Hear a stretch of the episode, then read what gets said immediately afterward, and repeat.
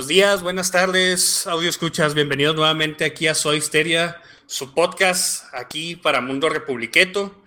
Este, nosotros somos los Fifis, aquí de, de, de, México, este, Perú, de todas partes aquí de Latinoamérica. Y aquí conmigo tengo al estimado señor Don Gustavo Semeria, este, autor de Libro Adiós a la Democracia, ya lo habíamos tenido antes para nuestro otro podcast, este, pero pues nuevamente aquí este lo trajimos aquí al señor Semeria pues para que nos cuente la situación peculiar que se está dando ahorita en Argentina. Entonces, pues no, no, no sé qué cuenta usted, señor Semeria, ¿qué le parece?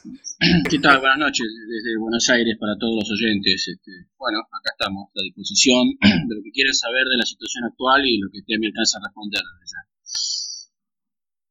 Sí, este, pues, pues, mire, aquí, aquí la, lo que se me hace curioso es de que, o sea, ¿qué es lo que está pasando? O sea, ¿se viene ahorita una elección o están tratando de, de, sacar a, a, Macri por, por las malas? Ahí a...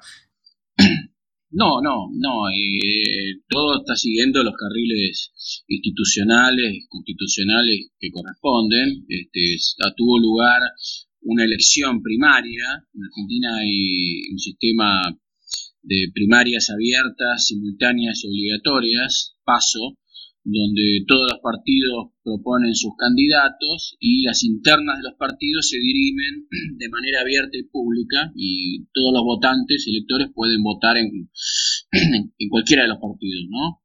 Este año se ha dado la, particularidad de que eh, la PASO se ha convertido en una especie de gran encuesta porque no se dirimieron internas partidarias, sino que cada uno de los partidos que se presentó eh, postuló a un solo candidato. De modo que fue una especie de elección general adelantada. Entonces nos da una especie de encuesta que no decidía nada, no decidió nada, pero que nos da un panorama muy certero de cuál es la intención de voto de la gente, ¿cierto?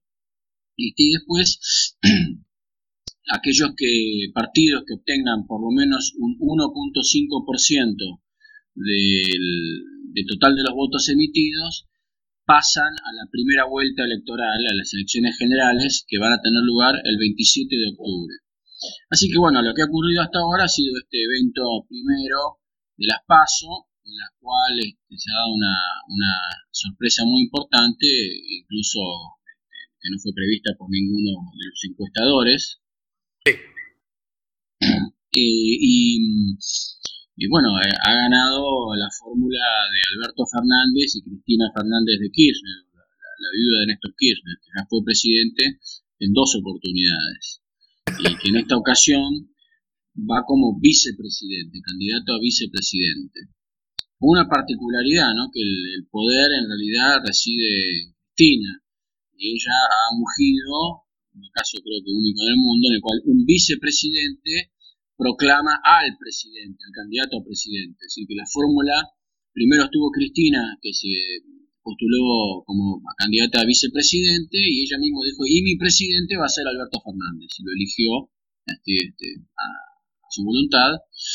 Alberto Fernández es un abogado, eh, fue jefe de gabinete, casi segundo el jefe de la administración durante el gobierno de Néstor Kirchner, eh, de modo que es una persona que estuvo en su momento muy ligada al, movimiento kirchnerista, después se distanció. Durante el gobierno de Cristina Kirchner él fue crítico incluso, este, estuvo bastante distanciado con, eh, críticas muy severas hacia, hacia la gestión de Cristina, y ahora, bueno, este, por estas cosas que tiene la política, ha vuelto al redil y, termina siendo candidato a, presidente y con un 48% de los votos frente a la fórmula de Mauricio Macri que obtuvo apenas un 33, 32, o sea, prácticamente 15 puntos de diferencia a favor de, de Alberto Fernández, de la fórmula Fernández-Fernández, Alberto Fernández y Cristina Fernández. De modo que, bueno, eso ya nos da un panorama de lo que puede llegar a ocurrir eh, el 27 de octubre, ¿no es cierto? Probablemente se, se repita y, y, la fórmula Fernández-Fernández obtenga los votos necesarios para ganar en primera vuelta sin necesidad de ir a un balotaje. en Argentina, digamos, aquel candidato que obtiene el 45% de los votos o más eh, se proclama presidente en primera vuelta. si tiene menos del 45, eh, con una diferencia inferior a 10 puntos, con el que le sigue hay una segunda vuelta. De modo que lo más probable es que si en, estas elecciones primarias Fernández Fernández obtuvo 48% de los votos, todo indicaría que en la primera vuelta va a obtener por lo menos 48%. Dios, entonces este, o sea, va a ganar este por sus o sea, nomás por, porque tiene la mayoría del voto, pero el 48%. O sea, ni siquiera estamos hablando de un 50%. Bueno, eh, pero, tener, un, tener un 48% con una diferencia frente al segundo de 15 puntos es muchísimo, ¿no? Ah, sí, es inalcanzable. Este, No hay segunda vuelta este, electoral ahí en, en Argentina. No, como le, decía, como le decía recién, o sea, para que haya segunda vuelta tendría que sacar menos del 45, tendría que sacar el 44,9. Oh, ok, ya entendí. Sí, pero todo, todo, está dado para que, para que eso no ocurra, ¿no es cierto? O sea, tendría que ser muy difícil, es muy difícil la situación para que de, acá a octubre ocurra algún evento este, novedoso que cambie el favor de la gente. Bueno, hay especulaciones, este, los matemáticos se ponen a hacer cuentas y dicen, bueno, en realidad como fue una elección primaria, eh, hay 8 millones de personas que no votaron, entonces tal vez si esas 8 millones votaran, bueno, y esas 8 millones una cantidad importante votar a Macri, este, para que no caiga, para que no termine su, para que pueda ser reelegido, bueno, pero son cálculos matemáticos improbables, digamos, ¿no? Este, porque eh, aún si votaran esos 8 millones que faltan eh, y votar al 100% del padrón, esos 8 millones tendrían que votar, no sé, un número grueso, 6 millones para Macri, 2 millones para, para Fernández, para que se equilibre la, la balanza, ¿no? Cosa muy improbable. Digamos que a cómo está la cosa, podemos decir que, digamos, Alberto Fernández se encamina de manera este, lisa y llana, sin obstáculos, a, ser el futuro presidente. Hola, buenas noches. Acabo de llegar. ¿Cómo estás? Bienvenido, Tercio. Gustavo, buenas, noches. Gracias, gracias, Paul. Buenas noches. Gustavo, este, ¿por, qué, por, qué Macri perdió? ¿Por qué, qué, qué, ha pasado? Mira, es un, un tema bastante complejo. Eh, por un lado, ha tenido un fracaso en su gestión económica. las condiciones de Argentina en términos eh, macroeconómicos y microeconómicos empeoraron a lo largo de estos cuatro años de gestión hay más desempleo, hay más pobreza, eh, hay más inestabilidad financiera, cambiaria, hubo una gran devaluación. Macri tomó un gobierno con un dólar a 9 pesos y el dólar está casi en 60, 57, 58 en cuatro años.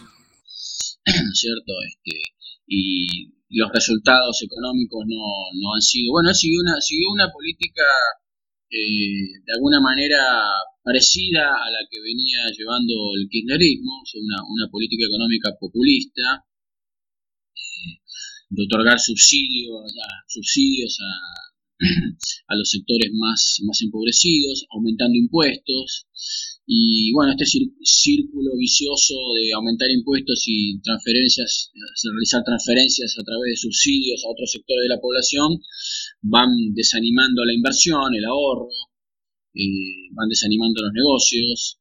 Y, bueno, y eso por un lado explica el fracaso económico, si no hubo, no hubo una reactivación desde el punto de vista de la inversión.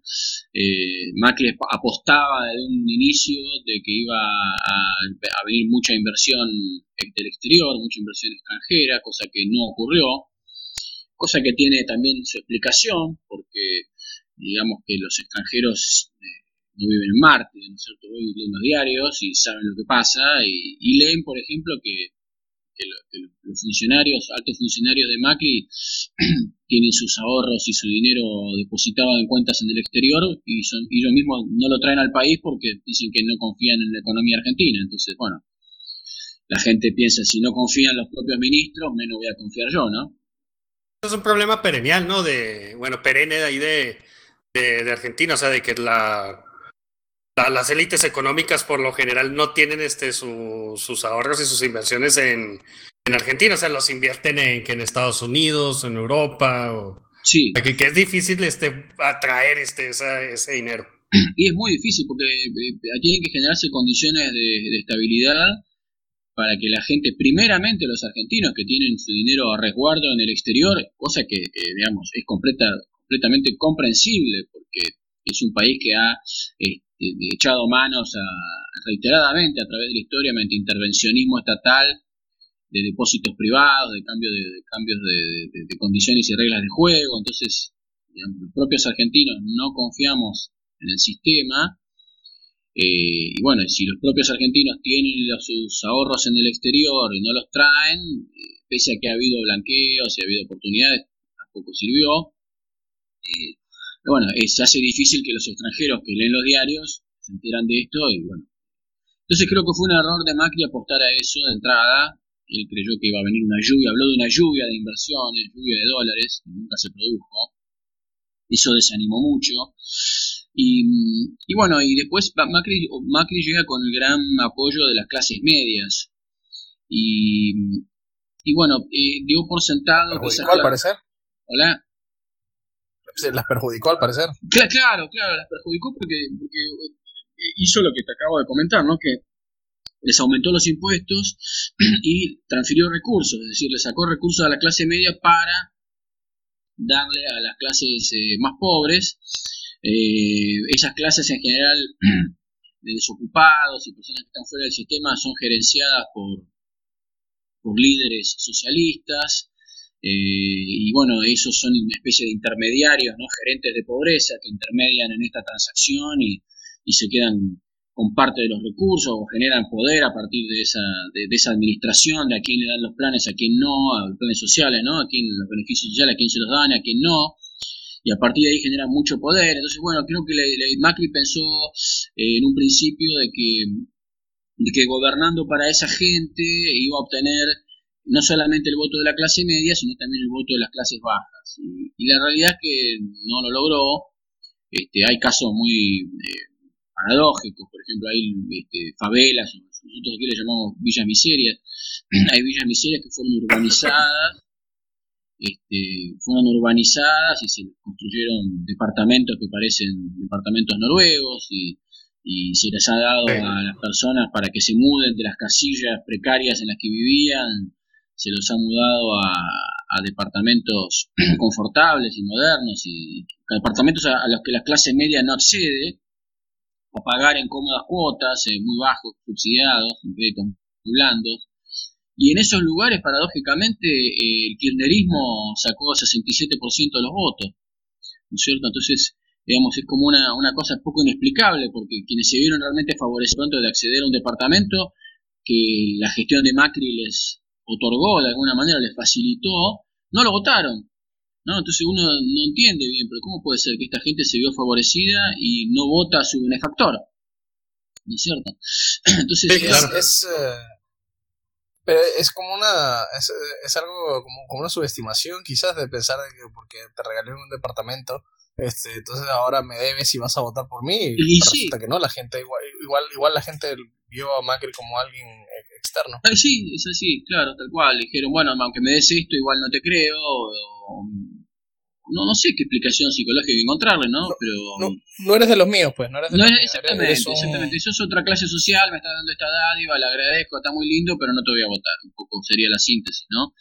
Este, y la imagen de Macri fue, se fue deteriorando y la izquierda hizo también un gran trabajo, ¿no? de, trabajo cultural, un trabajo de penetración, un trabajo de resistencia ideológica y cultural de estos cuatro años, activar en todos esos sectores. Eh, y después, bueno, entonces, ¿qué pasa? Esos sectores no lo votaron y la clase media que se vio perjudicada, bueno, gran parte de la clase media cambió el voto. O sea que gran parte de la clase media que lo había ayudado a, llegar en 2015, como vio empeorar sus condiciones de vida, eh, plantea un castigo, ¿no? Y vota castigando para que vuelva otra opción. La opción es la anterior, porque hay una polarización muy alta, no hay terceras alternativas. Entonces es eh, Macri o Cristina. y bueno, de alguna manera, por supuesto, está de por medio la, grave herencia que recibió Macri eh, del gobierno anterior, con variables macroeconómicas completamente alteradas, con una inflación este, galopante, continua, con recesión, y bueno, digamos que la herencia que recibió fue un Estado también descontrolado, sobredimensionado, con millones de empleados públicos eh, que fueron una especie de, digamos, de desempleo encubierto, porque son empleados públicos que aquí les llamamos ñoquis, empleados que en realidad pasan el último día de mes a cobrar, pero o que no hacen nada, o cuyas funciones son inútiles, que están para eh, encubrir el desempleo real. Bueno, eso fue, la, la planta de empleados públicos aumentó en más de 2 millones de empleados durante el periodo kirchnerista. Este, y, y, además aumentaron también las prestaciones sociales, las jubilaciones, hubo muchas este, jubilaciones que se otorgaron sin que las personas hubieran aportado durante el periodo activo de su vida por diversas circunstancias. La cuestión es que se sobrecargó el sistema previsional y, bueno, digamos, prácticamente más del cerca del 70% del presupuesto nacional se va en gasto social en Argentina, ¿no? Una cosa insostenible. un país del tercer mundo. Sí, por supuesto, una cosa. En Argentina hay 8 millones de 8 millones de, personas que trabajan en blanco, que aportan, y hay cerca de 20 millones de personas que reciben beneficios sociales a fin de mes, un cheque del Estado, ¿no? Porque son, jubilados, o son empleados públicos, o, reciben un subsidio, asignaciones por hijo, etcétera. Entonces es una ecuación que es insostenible, porque hay 8 millones que trabajan para mantener a 20 millones, y eso no, no, es, sostenible en el tiempo. Y bueno, eso explica un poco la herencia que recibió Macri, pero que lamentablemente no pudo revertir. Eh, es que como no, no, no puede, no puede, ¿cómo, ¿cómo poder? Si alguien como Macri va a jugar pa, por las reglas de, este, de la democracia y demás, y la institucionalidad, etcétera, etcétera, sin perjuicio de que eh, caigan también en temas de corrupción, etcétera, etcétera. Pero, o sea, es muy fácil, o sea, no es simétrico, es muy fácil aumentar el gasto estatal y poner y, mantener un montón de gente y demás y darles un montón de cosas, darles caramelos. Eh, y es muy fácil hacer eso pero ahora trata de quitárselo. Necesitas, sí, es difícil, un poder férreo. Claro. poder férreo para hacerlo. Es muy difícil, realmente, y se entiende, ¿no? Eh, en un momento, digamos, la idea de Macri fue eh, hacer una, un aterrizaje gradual en este punto. Eh, la idea en, en un inicio era que, bueno, la economía fuera creciendo y que el crecimiento, que, que la economía fuera creciendo y que el gasto social se mantuviera estable y fuera disminuyendo. Entonces, la proporción dentro del PBI del gasto social y del público iba a ir quedando cada vez más reducida en función del crecimiento general de la economía. Fue una apuesta muy, muy arriesgada porque digamos, las medidas que tomó no favorecieron ese crecimiento. O sea, se pensaba que, bueno, van a venir muchas, conmigo van a venir muchas inversiones y al haber muchas inversiones va a haber cada vez más trabajo privado, entonces la gente paulatinamente va a pasar del empleo público al empleo privado y los desempleados van a empezar a tomar a conseguir trabajo y la economía, el PBI va a crecer. Todo muy ideal. Es muy claro, Es muy difícil de, conseguir, ¿no es cierto? Entonces, pero, pero Gustavo, dos preguntas, dos preguntas que te tengo. O sea, si digamos, este, a nivel de política, eh, no hay mayor diferencia entre Macri y Kirchner. No estoy diciendo porque Macri sea de la misma tela que Kirchner, sino porque eh, por razones más allá de su voluntad se vio atado a, digamos, continuar de cierta manera las políticas económicas del kirchnerismo. Eh, si, si a nivel de política no se diferencian ahí, este, ¿en qué sí se diferencian? O sea, al, final, ¿qué, tiene de distinto Macri a, Bueno, no, sí, es distinto, ¿no? Bueno, eh, un candidato, este, uno de los candidatos lo, lo, llamó kirchnerismo de buenos modales. Este, o sea, que la, que la política era igual, pero bueno, hecha con, con modales más civilizados. Yo creo que parte de eso, no, y en parte también hay, obviamente, se diferencia en un republicanismo, es decir, que, que modales cuidado porque los modales son muy importantes, ¿no? Los modales es parte de la civilización, es decir, eh, se acabó la prepotencia, se acabó el autoritarismo, la imposición, el, el, Congreso en el cual Macri no tuvo mayoría funcionó, se vio obligado a negociar. Los, los, los, modales también, también pueden ser un signo de, de, que está, de que no sabes qué juego estás jugando, porque este, si tú estás haciendo bien, tienes buenos modales, pero por detrás te están acuchillando, pues eres un idiota. No, no, pero no, no, no es el caso, no, no, acá ha habido, digamos, ha habido buenos modales en el sentido de que ha habido civismo, que ha habido respeto a las instituciones, que ha habido respeto a la libertad de prensa, que, digamos, este, eh, ha habido mayor transparencia, no hubo casos de corrupción, por lo menos que se sepan hasta ahora, escandaloso, escandaloso, este, como fue en la, gestión anterior.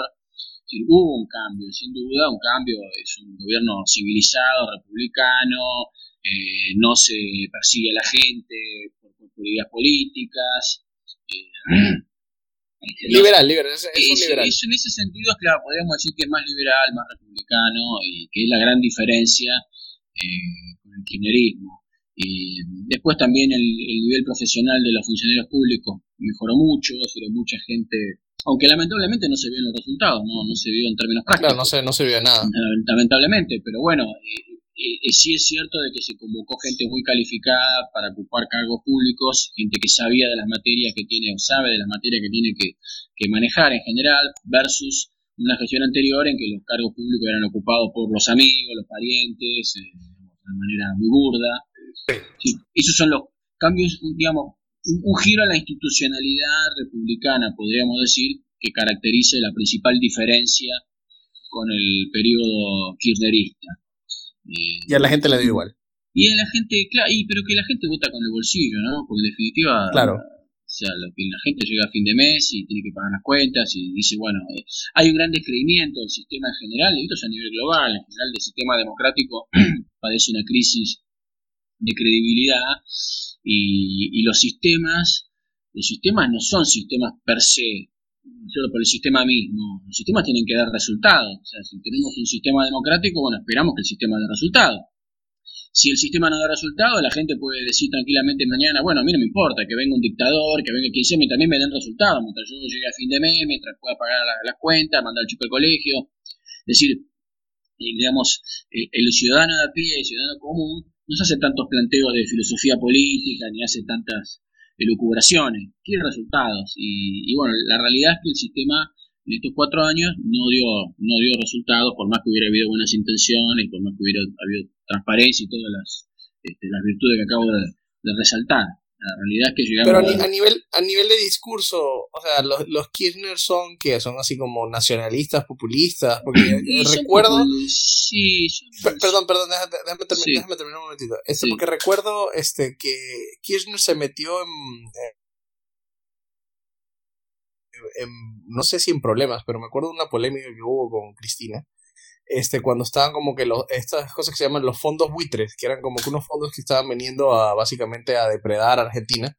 Este, y Kirchner hizo un comentario como que si quieren entender lo que pasa con Argentina, lean este, el, el la Mercader de Venecia, este, ese, ese, tipo de cosas, entonces, o sea, como que mm, y quitó este, una total ridiculez, ¿no? La estatua de, de, de Cristóbal Colón. Sí. ¿No? Eh, entonces, o sea, que, eso no tiene sentido. Es una estupidez total lo de la, estatua de Cristóbal Colón, pero, o sea, es un gesto así como nacionalista de, eh, viva la Argentina y no toleramos estos invasores, y fuera Shylock, y fuera, y fuera Colón, etcétera, etcétera. Y Macri, por lo que me dices, es así muy educadito, muy de vamos con las instituciones, vamos con. casi, casi, casi hago un acento argentino así burlón. Si, se me sale durante la conversación, no. Eh, me, disculpo, no, no, es porque me falta el respeto, pero. Contagioso. sí, es contagioso, es contagioso. Entonces, no, este, entiendo el punto, pero dos cosas. Por un lado, y dentro, terminando la, en relación con la pregunta anterior y también con esta, un giro que dio Mark también es en la política exterior, ¿no? Eh, y va en relación a lo que me estás diciendo. Es decir, el, anterior, el gobierno kirchnerista tenía como aliados eh, a, los fascismos del mundo. Es decir, los aliados del, del kirchnerismo eran Venezuela, eh, Bolivia, Irán, Rusia, China, el gobierno de Macri da un giro hacia los Estados Unidos, hacia la Unión Europea, decir, que digamos, pasa a aliarse en términos internacionales, a alinearse con las potencias democráticas del mundo occidental. Entonces es un giro importante. Entonces, ¿pero qué pasa? Estos sistemas, estos este, gobiernos populistas como el de Kirchner, siempre tienen la necesidad de generar algún enemigo, algún enemigo externo, esta idea de los imperios, de que nos ponen la bota encima, de que nos vienen a explotar, de que los buitres, es una forma muy de manual de los populismos de buscar estos este, enemigos de la patria que nos vienen. Un chivo expiatorio. Y una forma de donde concentrar el odio, concentrar la repulsa popular. y, pero en realidad, digamos, son, son ficciones, son cosas que se usan para llamar la, para llamar la atención para congregar poder. O sea, el, tema es que cuando Kirchner llega al poder en el año 2003, él llega con un vacío, llega con apenas 22% de los votos, muy poquito, porque el, contrincante que era Menem se baja de la, de la segunda vuelta y queda con los pocos votos que, que Kirchner logró obtener en la primera vuelta, que eran creo que 22%. Entonces, bueno, él tiene que construir poder. Y, como ocurre muchas veces con los políticos, no tienen ideología, ¿no es cierto? Tienen el, ánimo de, construir de construir poder y autoridad. Entonces, eh, pueden tranquilamente cambiar de camiseta. O sea, eh, eh, Cristina Kirchner durante los años 90, del llamado, la época del llamado neoliberalismo, era completamente neoliberal. O sea, uno escucha los discursos de ella durante los años 90 y era menemista, era occidentalista,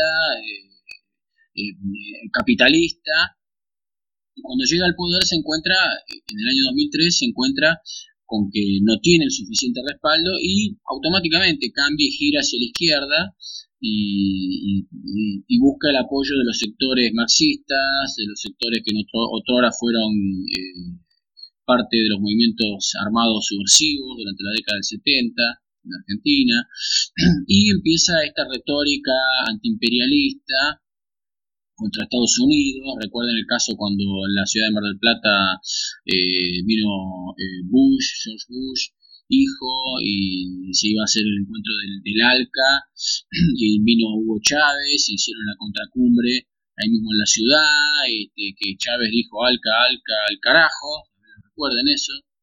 Eh, bueno. No, pero, pero suena como él y me da mucha risa. fue así. Y bueno, bueno, ¿no? Y, entonces, eh, digamos que ese alineamiento internacional que buscó y el, alineamiento interno también para construir poder, giró hacia la izquierda. Pero un ánimo de populismo, ¿no? De ese nacionalismo chauvinista tonto que no lleva a ningún lado, que no. Pero que sirve, porque la gente, hay mucha gente que compra ese tipo de, discursos, le parece bien. Y acá la cuestión no pasa tanto por ser ni, imperialista ni no imperialista, sino pasa, como hablábamos hace un minuto, por los resultados. Y acá los gobiernos tienen que, tienen que dar resultados, ¿cierto? Más allá de la retórica, tienen, las cosas tienen que funcionar. Yo creo, yo creo que, yo creo que esos discursos calan en Latinoamérica, este, porque tienen, digamos, este, un, un grano de verdad, este, o sea, sin caer en victimismo, sin cuestiones así, ¿no?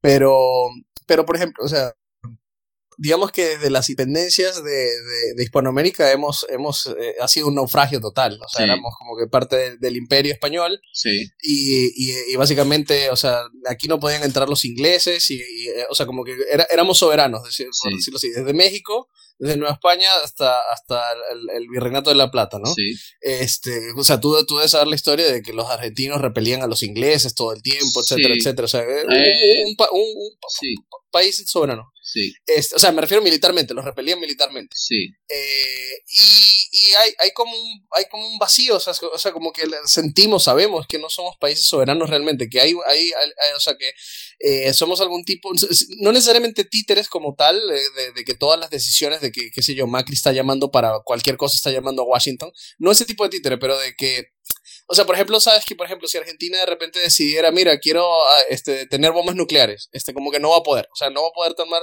una decisión así seria, real, eh, en cuanto a su soberanía nacional, no, no la podemos tomar. Entonces, este, siento que esos discursos eh, son explotan e, ese, ese, ese, ese hueco, ese, ese deseo de la gente de, de, de, soberanía, de un, de, un, de un proyecto de país real, de, de soberanía nacional, de, de, como que, oye, yo sí quiero que Argentina sea un país de verdad, no una bueno, no una republiqueta, pues esto de que tiene, de que tiene estas élites mercenarias, de que, de que un día cambian de ideología y que ni siquiera, no, es que cambien de ideología, porque ojalá cambiaran de ideología, ojalá es que tuvieran una ideología de verdad y luego reflexionaron y cambiaron de ideología, porque cambiar de opinión lo podemos hacer todos, sino que son completamente mercenarias, es como la ideología de turno, este, hoy es este eh, tal como el neoliberalismo soy neoliberal, mañana es este, el neomarxismo soy neomarxista. Entonces, eh, eh, la gente, además de los resultados, como muy bien dices, siento que, siento que se, se, percatan de este hueco, de, de, este, de esta cosa republiqueta que tenemos, y buscan a alguien fuerte que, que, que, encamine bien el país, pero resulta que al final todo termina siendo un fraude, un chiste, es pura retórica, porque por ejemplo Venezuela, este, todo el nacionalismo que pudo haber tenido, yo soy, yo soy venezolano, este, eh, todo el nacionalismo que pudo haber tenido Chávez, Maduro, bla, bla, bla, al final el país, eh, o sea, hoy en día, 2019, el país está regalado a los chinos, a los rusos y a los cubanos. Entonces, o sea, ¿qué, ¿qué, soberanía, qué nacionalismo va a ir? La destrucción total del país. Y eso, eso, eso es lo que sucede. Pues. Entonces al final es, es como como esta gente aprovechada, estas élites, este, sinceramente desgraciadas que tenemos desde Argentina hasta México, eh, que lo que les interesa son sus cuotas de poder.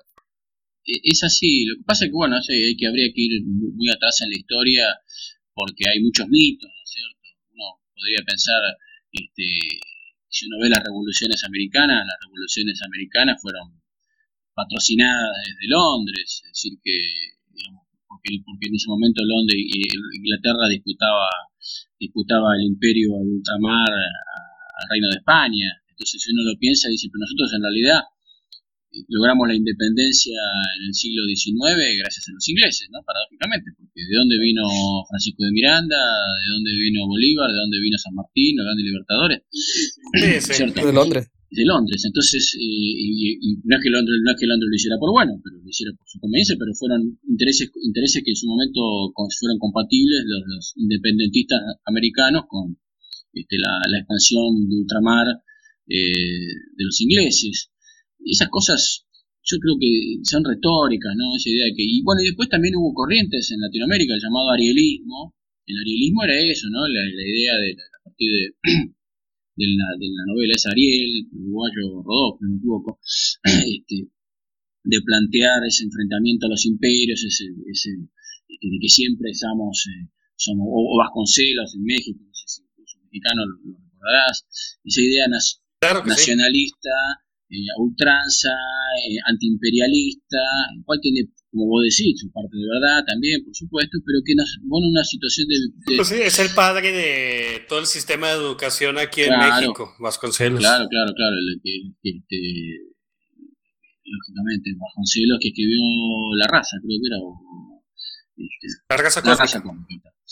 Y bueno, esa idea, ¿no es cierto?, de, de, que en su momento son ideas que tuvieron mucho auge en general en Latinoamérica a principios del siglo XX, de los nacionalismos, eh, del antiimperialismo, recordamos la Primera Guerra Mundial, donde Estados Unidos tiene un papel obviamente muy preponderante y asume el, asume prácticamente a nivel global, reemplaza al, Reino Unido como la gran potencia mundial.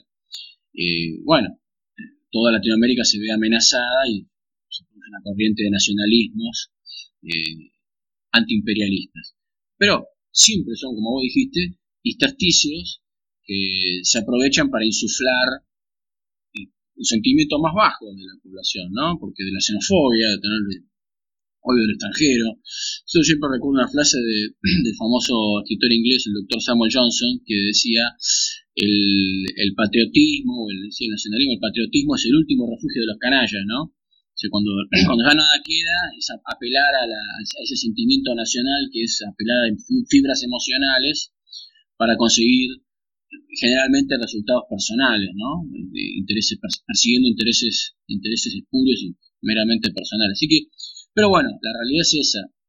Estos movimientos como el chavismo, el kirchnerismo, eh, el, el, el, moralismo en Bolivia, eh, buscan exaltar eh, este tipo de sentimientos en la población, buscando chivos expiatorios, buscando enemigos, grandes conspiraciones, es decir, eh, siempre está la idea de que existe una sinarquía, una gran conspiración mundial y que nosotros somos un país llamado a ser una gran potencia, pero que no lo podemos ser porque el mundo conspira. La realidad es que el mundo digamos, sigue su vida, su curso y digamos, hay conspiraciones para todos los gustos y colores el, el, mundo, en el mejor de los casos, es si, si Argentina deja que, que, lo, que la jodan, pues el mundo la jode. Pues. Si Argentina o sea, se, deja que vengan a explotarla, lo que tú quieras, pues el mundo lo hace. Pero no es una conspiración para, para, tenerte, por, para, tenerte sometido. Tal cual, tal cual, por supuesto. Y si no, se, no se explicaría fenómenos como los países del sudeste asiático, o como Israel, o los tantos países que, que en un momento no era nada y de repente se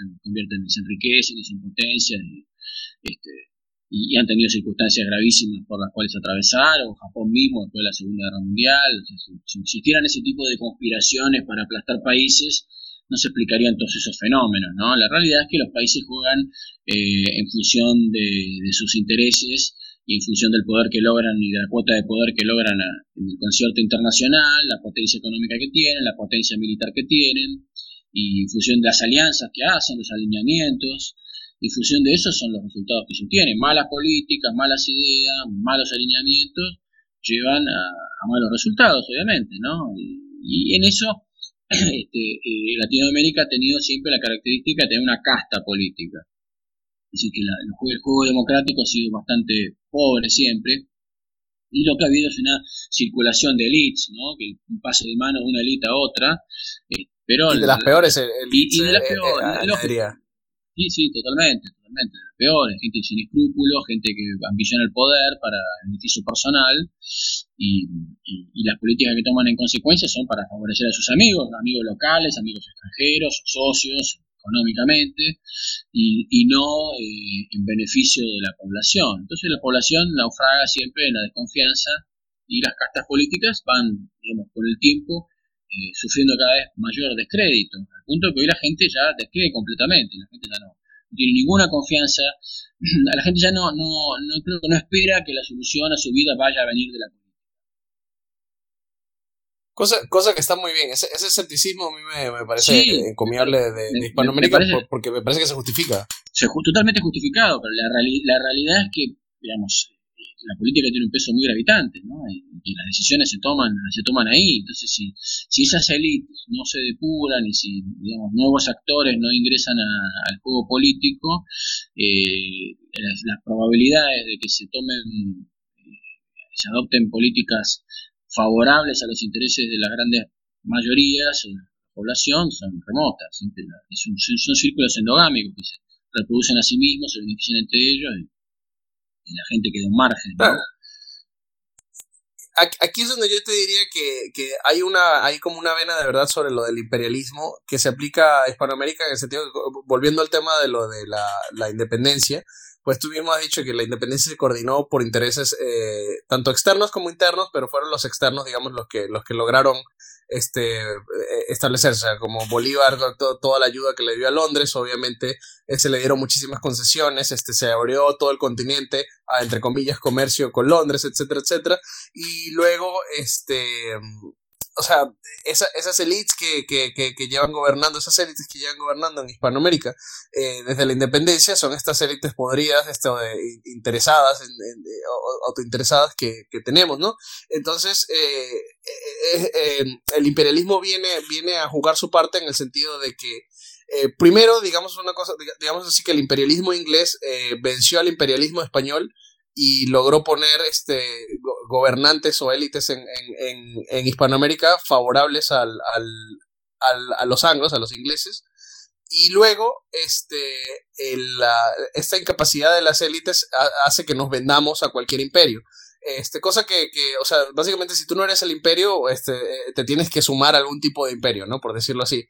Entonces, este, eh, las élites latinoamericanas o, han, hispanoamericanas o, han, o, se venden ahorita, por ejemplo, el kirchnerismo se vende al imperialismo ruso o chino, o este, eh, tipo México se venden al imperialismo este, inglés. o, el, o Colombia, por decirlo así, este, Colombia, que está, que está como en la, en, la gama con Estados Unidos, sin perjuicio de que se pueden obtener beneficios, o sea, de que no, no, no todo es este, blanco, no, no todo es negro, no todo es color de hormiga, lo que sea, pero eh, las narrativas, este, digamos, una cosa, que, una cosa que yo me he venido dando cuenta de la izquierda es que la izquierda a veces diagnostica bien, o sea, como que ven, ven la situación y te dan un diagnóstico, es como que, oye, sí, esto es así, pero nunca curan bien, o sea, sus soluciones siempre son una porquería. O sea, entonces, por ejemplo, eh, Chávez, este, puede ser que haya diagnosticado en un principio, yo lo sostengo, eh, la situación de podredumbre este, de las élites democráticas en Venezuela en, el momento en que Chávez llegó al poder.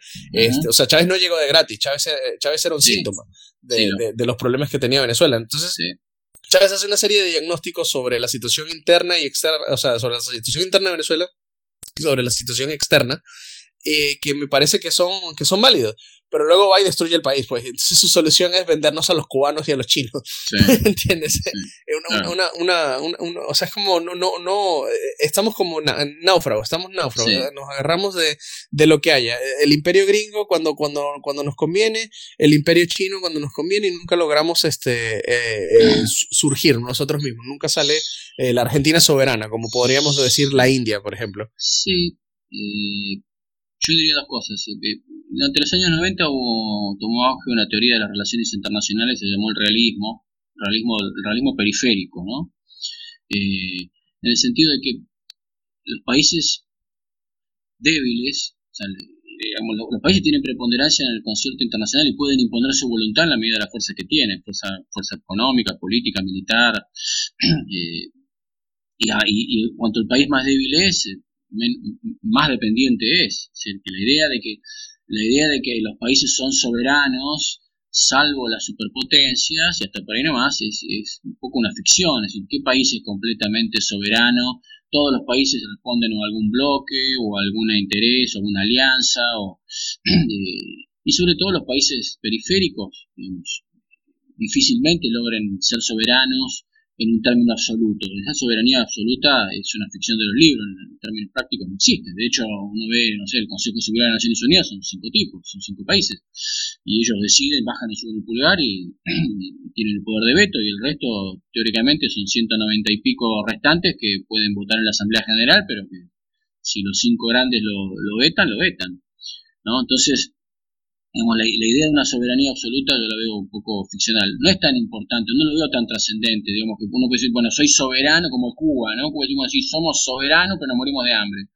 Eh, bien muertos de hambre, pero soberanos. O sea, esta idea de, soberanía ultranza, este, yo la veo impracticable. Tiene que haber una, una, una eh, en, función del realismo, eh, una adecuación razonable de tener una eh, dosis razonable o, lógica de autonomía, pero también la inteligencia de saber aliarse correctamente en términos estratégicos, en términos económicos. Y bueno, en función de eso hay una, fluctuación de poder, ¿no es cierto? Y lo importante desde este punto de vista del realismo de las relaciones internacionales, de las relaciones internacionales es si, digamos, dado que no vamos a ser absolutamente soberanos, dado que eso es imposible y que tenemos que adecuarnos a la realidad, bueno, operemos en función de que nos sirva, de que hagamos alianzas útiles, ¿no es cierto? De que, que tengamos, defendiendo los intereses nacionales, alianzas que sirvan al pueblo, que beneficien y que le permitan crecer.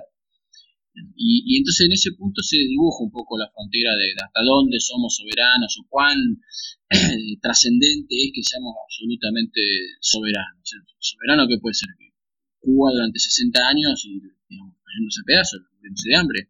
Decir, los, los países no son personas, es decir, hay una, sí, hay una confusión, ¿no? De, de, dar una, un antropomorfismo, ¿no? Entonces se habla del Estado como si fuera un, como si fuera una persona, un ser humano, el Estado hace esto, el Estado hace lo otro, el Estado es rico, pobre. En realidad son las personas las que están adentro, el Estado es una, una entelequia jurídica, pero lo que importa son los individuos, las vidas, personas, la familia, los que, que transitan, los que viven dentro de ese estado, es, en definitiva lo que importa. ¿Viven mejor o no viven mejor? Es decir, bueno, este fulano es, es, soberano, sí, pero está muerto de hambre. Y este, este no es tan soberano, pero mira cuando tiene un ingreso de 30 mil, 40 mil dólares per cápita anual, bueno, Bueno, no sé, ¿cierto? Hay, una, hay, un pragmatismo en el tema del político, ¿no? Es, hay una diferencia entre un principismo y un, pragmatismo. Yo soy partidario del pragmatismo, yo quiero vivir bien, tenemos una sola vida, vivimos 70, 80 años, nuestros hijos, o sea, pasarme los 70 años que me tocan de vida con una bandera eh, enarbolada, gritando a los cuatro vientos soy independiente y no tengo para comer y mis hijos están harampientos, tampoco lo veo algo razonable. El, el, argumento, el argumento sería que si no, no tienes ni, ni siquiera para alimentarte, pues realmente no, no, no tienes de las libertades más básicas. O sea, e, ese, ese, digamos, esa soberanía es una falsedad y la soberanía de Cuba es falsa porque en, o sea, bueno, de cierta manera la soberanía de Cuba depende de, su protección de Rusia, o sea, Cuba no es no es completamente es mentira.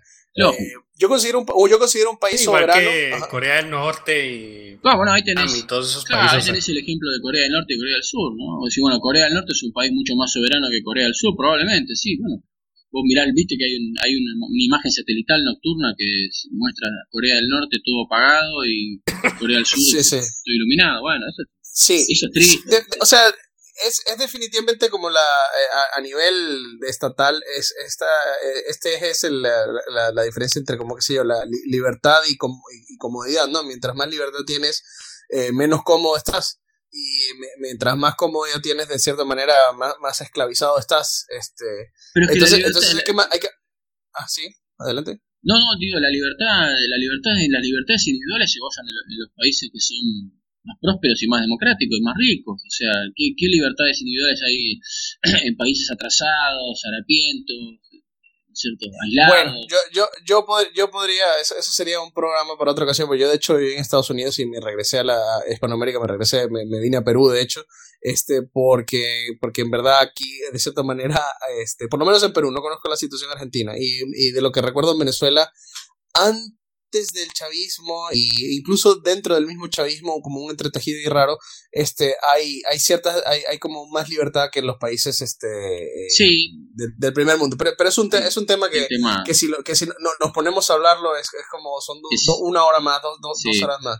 O sea a lo, lo, a lo que quiero decir sí a, lo, lo que quiero decir este es que eh, o sea, cuando estoy hablando de lo de la soberanía, no estoy diciendo que, justamente mi argumento no es que Argentina, este, o Venezuela o, México eh, están en capacidad de agarrarse y erigirse, este, auto, autodeterminarse eh, soberano. Más bien estoy diciendo que lo, contrario, este, justamente como no somos soberanos, pero hay, hay como, o, no, no, somos de cierta manera títeres este, de, algún interés imperialista, sea el, gringo, sea el chino, sea el ruso, este, justamente por nuestra calidad de países periféricos, por haber fallado nosotros en, en, volvernos este, poderosos, por decirlo de cierta manera. Ni siquiera voy a decir soberanos, poderosos.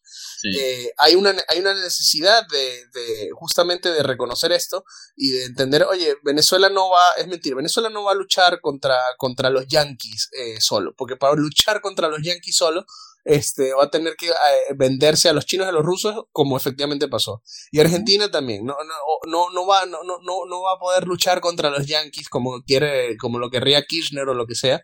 No, no, no lo va, no lo va a hacer.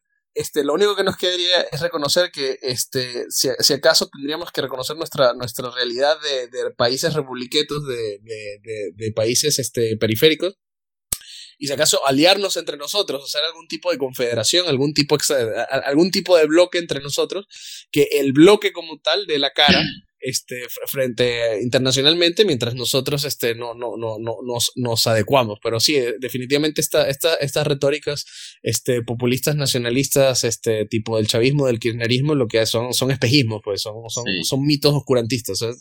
Sí. Pero mira, Sí, sí, o sea, este, pues lo, que pasa es de que sí existen esas organizaciones, o sea, creo que está la... ¿Qué cosa? ¿El ALCA? Es, el ALCA, este, o también el del, de, los, al carajo, sí, o, la esta de los países panamericanos, o sea, que van desde México hasta... Pues, no, no hacemos nada, pero son comidas. Sí, son un chiste, o sea, y, entonces, ¿por qué no se ha generado algo más así tipo la bueno, la Unión Europea, este, en, en, en, teoría, por así decirlo, porque en práctica, pues tampoco. Pero es que, es que no tiene, es, que, no, tiene sentido. Hablamos el mismo idioma, en teoría tenemos la misma religión, este, eh, es como de, plano, estaría de calle, que deberíamos, sí, deberíamos un tipo de bloque.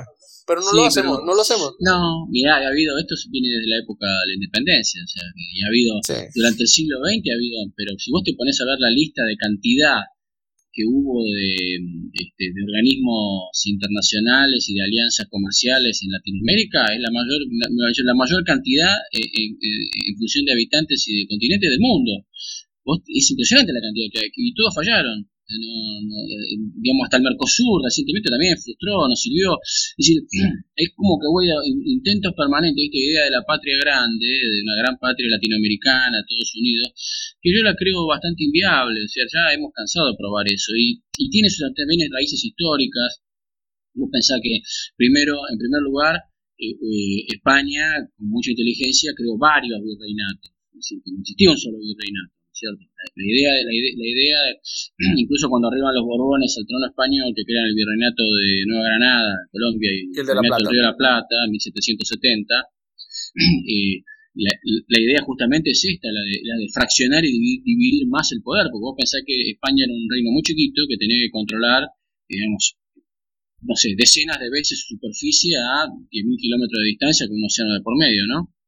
Lo que era muy difícil y la forma de hacerlo para evitar justamente rebeliones era mantener el, mantener distintos centros de poder, México, Lima, los grandes centros de poder de los virreinatos, y después los subsidiarios, Buenos Aires, Colombia, Bogotá, ¿no? Este, eh, eso respondía a una cuestión estratégica española, y además las distancias y la poca densidad de población. Vos pensás que este, eh, Buenos Aires, de la segunda ciudad durante la colonia más importante, la segunda ciudad de Córdoba tiene 700 kilómetros, a carreta, ¿no es cierto? Es decir, digamos, esta, Incluso, incluso hoy en día estamos, estamos escasamente poblados, porque para el tamaño de los países, sobre todo en Sudamérica, no tenemos casi gente. O sea, Perú es gigante y apenas tiene 30 millones de personas. Claro, claro. Sí, todos están concentrados en, en, sí, sí, la mitad, y la mitad estamos en Lima. Es una cosa que es la, la, las, las dos cosas al mismo tiempo. Este, eh, baja densidad El único país que veo que está un poquito más poblado es aquí en México, este, porque hay como que varios más centros de poder, así que tienes Monterrey, Guadalajara, este y pues todo lo que está en el centro, este, con Guanajuato y todos los demás, pero, pero, o sea, sí, o sea, te vienes aquí al norte del país y puede pasar miles de kilómetros sin que veas este una ni, ni, ni un pueblo. Bueno, eso eh, eso no este pasa eso no pasa en Europa desde ya y bueno y en Estados Unidos también tiene mayor, mayor población mayor poder económico creció de otra manera vos pensás que los Estados Unidos eh, aparte de las 13 colonias del Atlántico hacia la conquista del oeste no es cierto que es digamos es, es una, una acumulación progresiva de, de tierras eh, en manos de particulares sí, a costa nuestra ¿no es cierto? Sí, bueno, fuera, pero digamos, este, eh, digamos son los, son los particulares, la iniciativa privada, los que van avanzando y mientras que mientras que el, Hispanoamérica tiene una historia completamente distinta, la historia colonizadora de, Estados Unidos es distinta a la de Hispanoamérica, en Estados Unidos es colonizado por familias, ¿no es cierto? Este, mientras que en, Hispanoamérica es colonizada por soldados. Eh, eh, entonces, digamos, desde un, comienzo pero ese, ese tema, ese tema también es, eh, también da, da, tiene, este, da tela que cortar. Este, no sé si tú conoces al autor español Gustavo Bueno. Me suena, no, no lo conozco. Eh, ya, bueno, Gustavo Bueno, este, básicamente, o sea, bueno, no básicamente, es un filósofo que además, este, tocó un montón de temas y, y, digamos, este, se lanzó una historia filosófica de España en la que habla justamente estos temas de las diferencias, este, de la diferencia es entre los imperios, pues, este, no todos los imperios son iguales ni se escriben igual.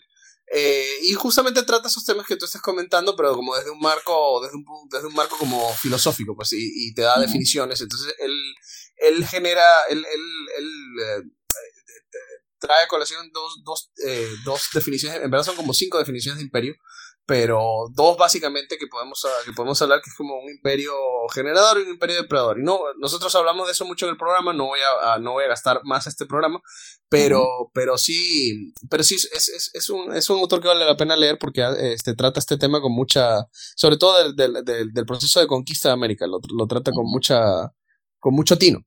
Entonces, eh, entonces justamente él habla de eso, pues, de, de de cómo este, después de las 13 colonias, este, Estados Unidos tiene como una, un ímpetu imperial, este, este de expansión y demás. Y cuando digo, cuando, cuando dije a costa nuestra, este, no era por victimizarnos, sino era para o sea, hacer ver que la expansión de ellos, este, se da al mismo tiempo, se da al mismo tiempo de nuestra contracción. O sea, mientras, mientras, otros, mientras otros terrenos ganan, sí, exacto, mientras, mientras otros países van ganando terreno, este, nosotros, este, México pierde. Oye, ¿cuánto perdieron, cuánto perdieron ustedes eh, por un montón de cosas? pero lo perdieron bien, lo perdieron en una guerra, pues no hay nada que hacer, o sea, llorar a, llorar al río. Eh, en teoría perdimos desde Alaska. Desde Alaska. Desde Valdés. Desde Alaska, este, Wyoming, Colorado, de Nevada, California, parte de Colorado, sí. Este, un, fue como el 60% del territorio. entonces, eh, California, todo eso. Entonces, eh, Nuevo México, hay un Nuevo México. Este, eh, entonces es, es, es, una, es una simbología de, de, de, lo que sucedió, pues, o sea, el eje de poder cambió. el, el, eje de poder pasó a estar en, en Estados Unidos del Norte y este, nosotros no, nosotros hemos estado en retroceso desde entonces, o sea, no, no Ah, pero bueno, tiene una explicación. Sin, complejo que decirlo. Una explicación histórica, obviamente, que es el retroceso del Imperio Español. Este, y, y, la balcanización, ¿no? Porque después de, la, después de las independencias americanas, todo Hispanoamérica sufre un proceso de balcanización. ¿sí? Se, Correcto. Se separa y, y, eso responde a que había poca, con, poca, poca interconexión previa sí, digamos, la, la conectó, el, centro de poder era, era, era, era este, España. Era el rey, pues, era el rey, era el rey. Era el rey, la metrópoli, estas eran posiciones, posiciones del rey y era radial, ¿cierto? Las distintas capitales respondían este, directamente a, eh, a las capitales de los virreinatos, respondían directamente a la corona, no, no estaban interconectadas no entre, ellas. Exacto. Entonces, bueno, la, la consecuencia natural hay un autor, bueno, peruano, creo que fue Belaunde, ¿no? Víctor Belaunde, que dijo, España sembró cabildos y cosechó naciones. ¿no? sí, eso, es justamente la definición de un imperio generador de, Gustavo Bueno. Dice que un imperio este, generador básicamente lo que hace es como sembrar ciudades eh, por donde va, se reproduce él mismo por donde va y un imperio depredador este es un poco más esta idea ya este estereotípica que tenemos de un imperio que lo que va es como a, a explotar recursos o lo que sea como que eh, ya este, eh, justamente eso que acabas de describir es, es una buena manera de, de sintetizar lo, eh, esta distinción de entre imperios que, que dice Gustavo. Bueno, eh, no es una distinción en blanco y negro, no quiere decir que el imperio español haya sido todo bueno, benigno y hecho por ángeles y que no hubo depredación y que no hubo gente rapada, ni que no, no, no, es eso. Y que, y que los imperios... Pero justamente eso, eso que acabas de describir, que eh, quizás justamente este, esta, esta independencia que teníamos entre cada uno de los, de los virreinatos, por decirlo así, que el, el, eje de que, que, ataba todo era esta, este, esta cuestión de este ente imperial eh, bajo la figura del rey, este, lo perdimos, o sea, ya y, y, no, no, no lo hemos podido sustituir, no hay, no hay nada que, que, que nos termine de unir o sea, que logre superar nuestros conflictos individuales, qué sé yo, los conflictos que pueda tener Uruguay con, con Argentina, o Perú con Chile, este, eh, o Brasil con, bueno, Brasil no es parte del Imperio Español, pero bueno, eh, pero Chile con todo, Chile con todo, con todo Chile con Sudamérica, Chile con Argentina, Chile con, Bolivia, Chile con Perú, este, no, no, no, no lo encontramos, pues Tal vez con el tiempo todos esos conflictos se van, se van superando, pero de ahí a que haya unos, un gran Estados Unidos del Sur, yo la verdad no lo veo. Por lo menos está, está fregado.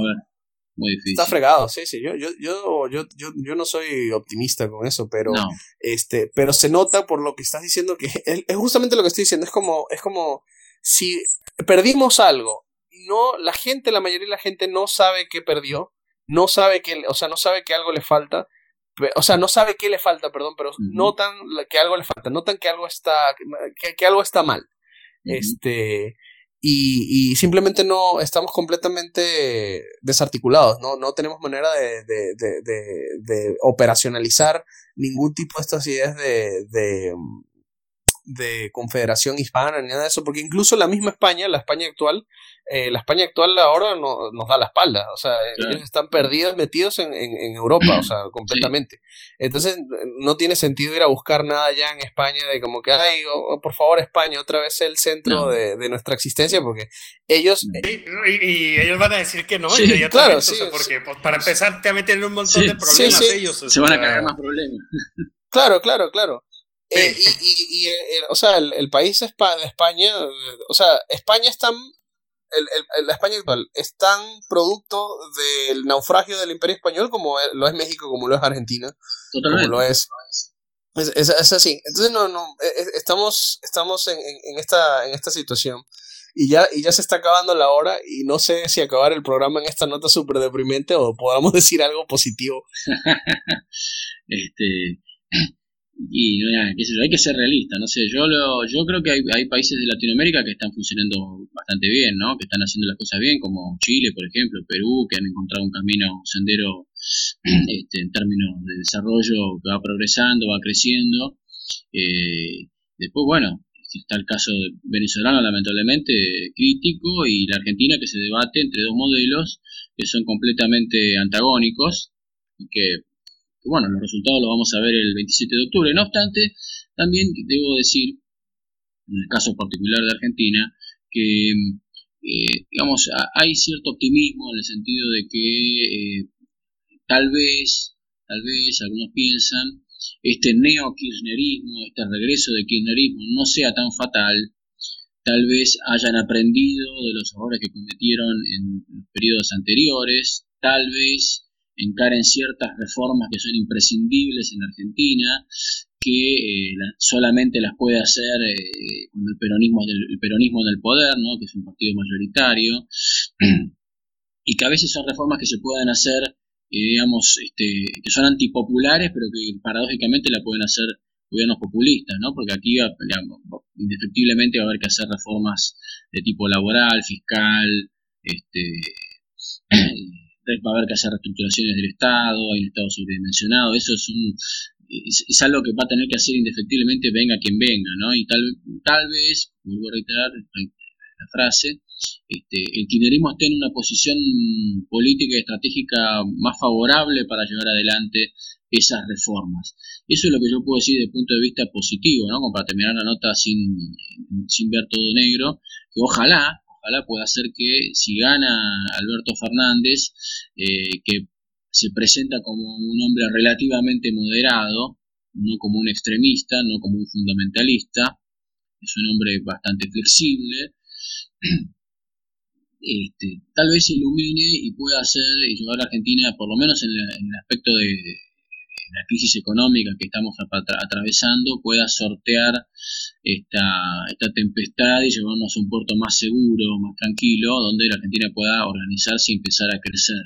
Eh, están los, pesimistas que creen que vamos a hacer Venezuela. Yo no termino de, la verdad no, no termino de comprar esa idea. Yo me inclino más bien a, darle una, este, ante la circunstancia y ante lo, inminente del triunfo de, de, Fernández, me inclino a tener una luz de esperanza de que vayan a, como dije, aprender de los errores, no repetir los errores cometidos, no enfrentarse nuevamente a los sectores que se enfrentaron en el pasado, que no llevaron a nada, no tuvieron sentido, no, solamente se pusieron trabas a sí mismos. Este, y, digamos que en el plano internacional eh, realizar alianzas razonables eh, según la conveniencia nacional, ¿no? y no tanto ideológicas, Así que tal vez esto, estas circunstancias se, se, puedan dar y no sea todo tan negativo un eventual futuro eh, triunfo del kirchnerismo. Cristina iría como vicepresidente. Hay que tener en cuenta factores psicológicos. ¿no? Cristina Kirchner está en el poder desde el año 1983, cuando empezó en la, en la intendencia de una pequeña ciudad del sur llamada Río Gallego, después fueron ella y el marido, ¿no? Después fueron gobernadores de la provincia este, durante muchos años y después fueron presidente, primero él y después dos veces ella presidente. Eh, ¿Qué quiero decir con esto? Que, digamos, el ser humano, una cuestión cronológica y biológica, sufre un desgaste y el desgaste que provoca el poder es este, amplificado. Entonces, yo estimo que tal vez llegue a esta instancia con el caballo cansado, sin, sin ganas de hacer muchas locuras, este, eh, de alguna manera garantizándose, ella tiene muchos juicios pendientes, procesos judiciales en, curso, eh, complicados, tal vez ella aspire con esta nueva presidencia o vicepresidencia, aspire a garantizarse cierta impunidad o cierta este, tranquilidad judicial, y deje a, lo deje gobernar a Alberto Fernández y que final, finalmente Fernández no, sea un títere de ella y ella se, se repliegue a, otras posiciones más, más tranquilas, otras cuestiones y, que deje el manejo de la cosa pública al presidente, que es la misma ¿no? O sea, que, que ella sea como una, una figura, pues, como una... que, no sea la, la efectivamente. Exactamente, exactamente. Yo pienso que puede darse eso por las cuestiones que te dije, de cuestiones de edad, ya son muy grandes, este, y, tiene un desgaste, por supuesto, encima. Así que yo pienso que eso podría ser un escenario eh, auspicioso, Si yo tuviera que describir que, una visión favorable o optimista, podría ir por ese lado, ¿no? Que tal vez a veces las cosas, digamos, se alinean y de lo malo sale, sale algo bueno, y es la esperanza que podemos albergar por Yo te tengo uno más. Te tengo uno más. Chávez está muerto y Venezuela está quebrada, así que no puede, no, no, no, no, no, no puede tener esa, esa influencia que tuvo antes el chavismo. Es cierto. Bueno, también eso favorece, yo creo que, mira, eso es muy importante lo que decís, porque durante el gobierno de Cristina, Chávez estaba en el poder, ¿no? Sí. Y Venezuela tenía un, tenía el barril de petróleo a, 150 dólares. este, bueno, ya Venezuela colapsó y ya no quedan dudas, ya, ya hasta los más hasta los más arielistas, latinoamericanistas y antiimperialistas que puede haber en Argentina ya no defienden a Maduro, ¿no es cierto? ya, el, colapso de Venezuela es tan evidente que ya se hace muy difícil, muy difícil eliminar una defensa a, de Maduro, A Maduro lo defienden este, eh, caviares gringos. Claro, claro. Entonces, eh, desde esa perspectiva, el caso venezolano como una especie de espejo, uno, que la Argentina se podría mirar, ¿no? un espejo futuro, eh, sirve de advertencia. Y, digamos, así lamentablemente, ¿no? a, costa de, a costa de los venezolanos, puede, puede que esto sirva como un ejemplo, como un caso ejemplificador hacia, para, para, decirnos hacia dónde no hay que ir o qué errores no hay que cometer. Y yo creo que el peronismo se ha caracterizado en Argentina siempre, históricamente, eh, porque uno puede atribuirle muchos muchos calificativos, este, muchas descalificaciones, ¿no? De populista, demagógico. Pero yo creo que una cosa no se le puede decir que no son tontos. Es decir, eh, los peronistas en Argentina, el, peronismo en sí, no es un movimiento tonto. No son gente que se va a pegar un tiro en el pie. Me quiero referir con esto, ¿no? Que tal vez saben hasta dónde llegar. Y acá, en general, había un dicho que eh, el, peronismo a los líderes los acompaña, los acompaña, ¿no? Este, al cementerio, pero se detiene en la puerta. Te, acompañamos hasta el cementerio, pero hasta la puerta, no entramos. Nadie, nadie, nadie se suicida. Entonces, de alguna u otra forma, si lo vemos con esa perspectiva, tal vez eh, un nuevo gobierno de Cristina y de Alberto Fernández haga un viraje inteligente y, permita que la Argentina se encamine en una senda medianamente razonable, no aspiro mucho, medianamente razonable. Vaya, está bien, entonces este te tendremos aquí en octubre. ¿Cómo no? Analizaremos los resultados. Perfecto. Este bueno, antes de, antes de irnos, este, Gustavo, ¿por qué no, no, dices, o sea, si todavía estás en redes sociales o, o si o sea, o, promueves este, tus inscritos o lo que sea, este es el lugar para hacerlo ahorita que, que, no, vamos a cerrar. Muchas gracias, muchas gracias. Sí, me pueden encontrar en Facebook con mi nombre y apellido, Gustavo Semería, en Twitter también. Eh, y bueno, básicamente ahí tengo, mi libro, Adiós a la democracia, si el que lo quiera leer. Eh, después te pasa un link de descarga gratuita. Eh, así que, bueno, les agradezco mucho y quedo a disposición de ustedes y nos escuchas en cualquier momento. Perfecto, muchas gracias a ti por venir. Bueno, al contrario, un gran abrazo. Te, agradecemos mucho tu presencia. Sido un gusto para mí. Un gran abrazo. gracias. Gracias. Y gracias por escuchar a todos ustedes. Vamos, hasta, luego.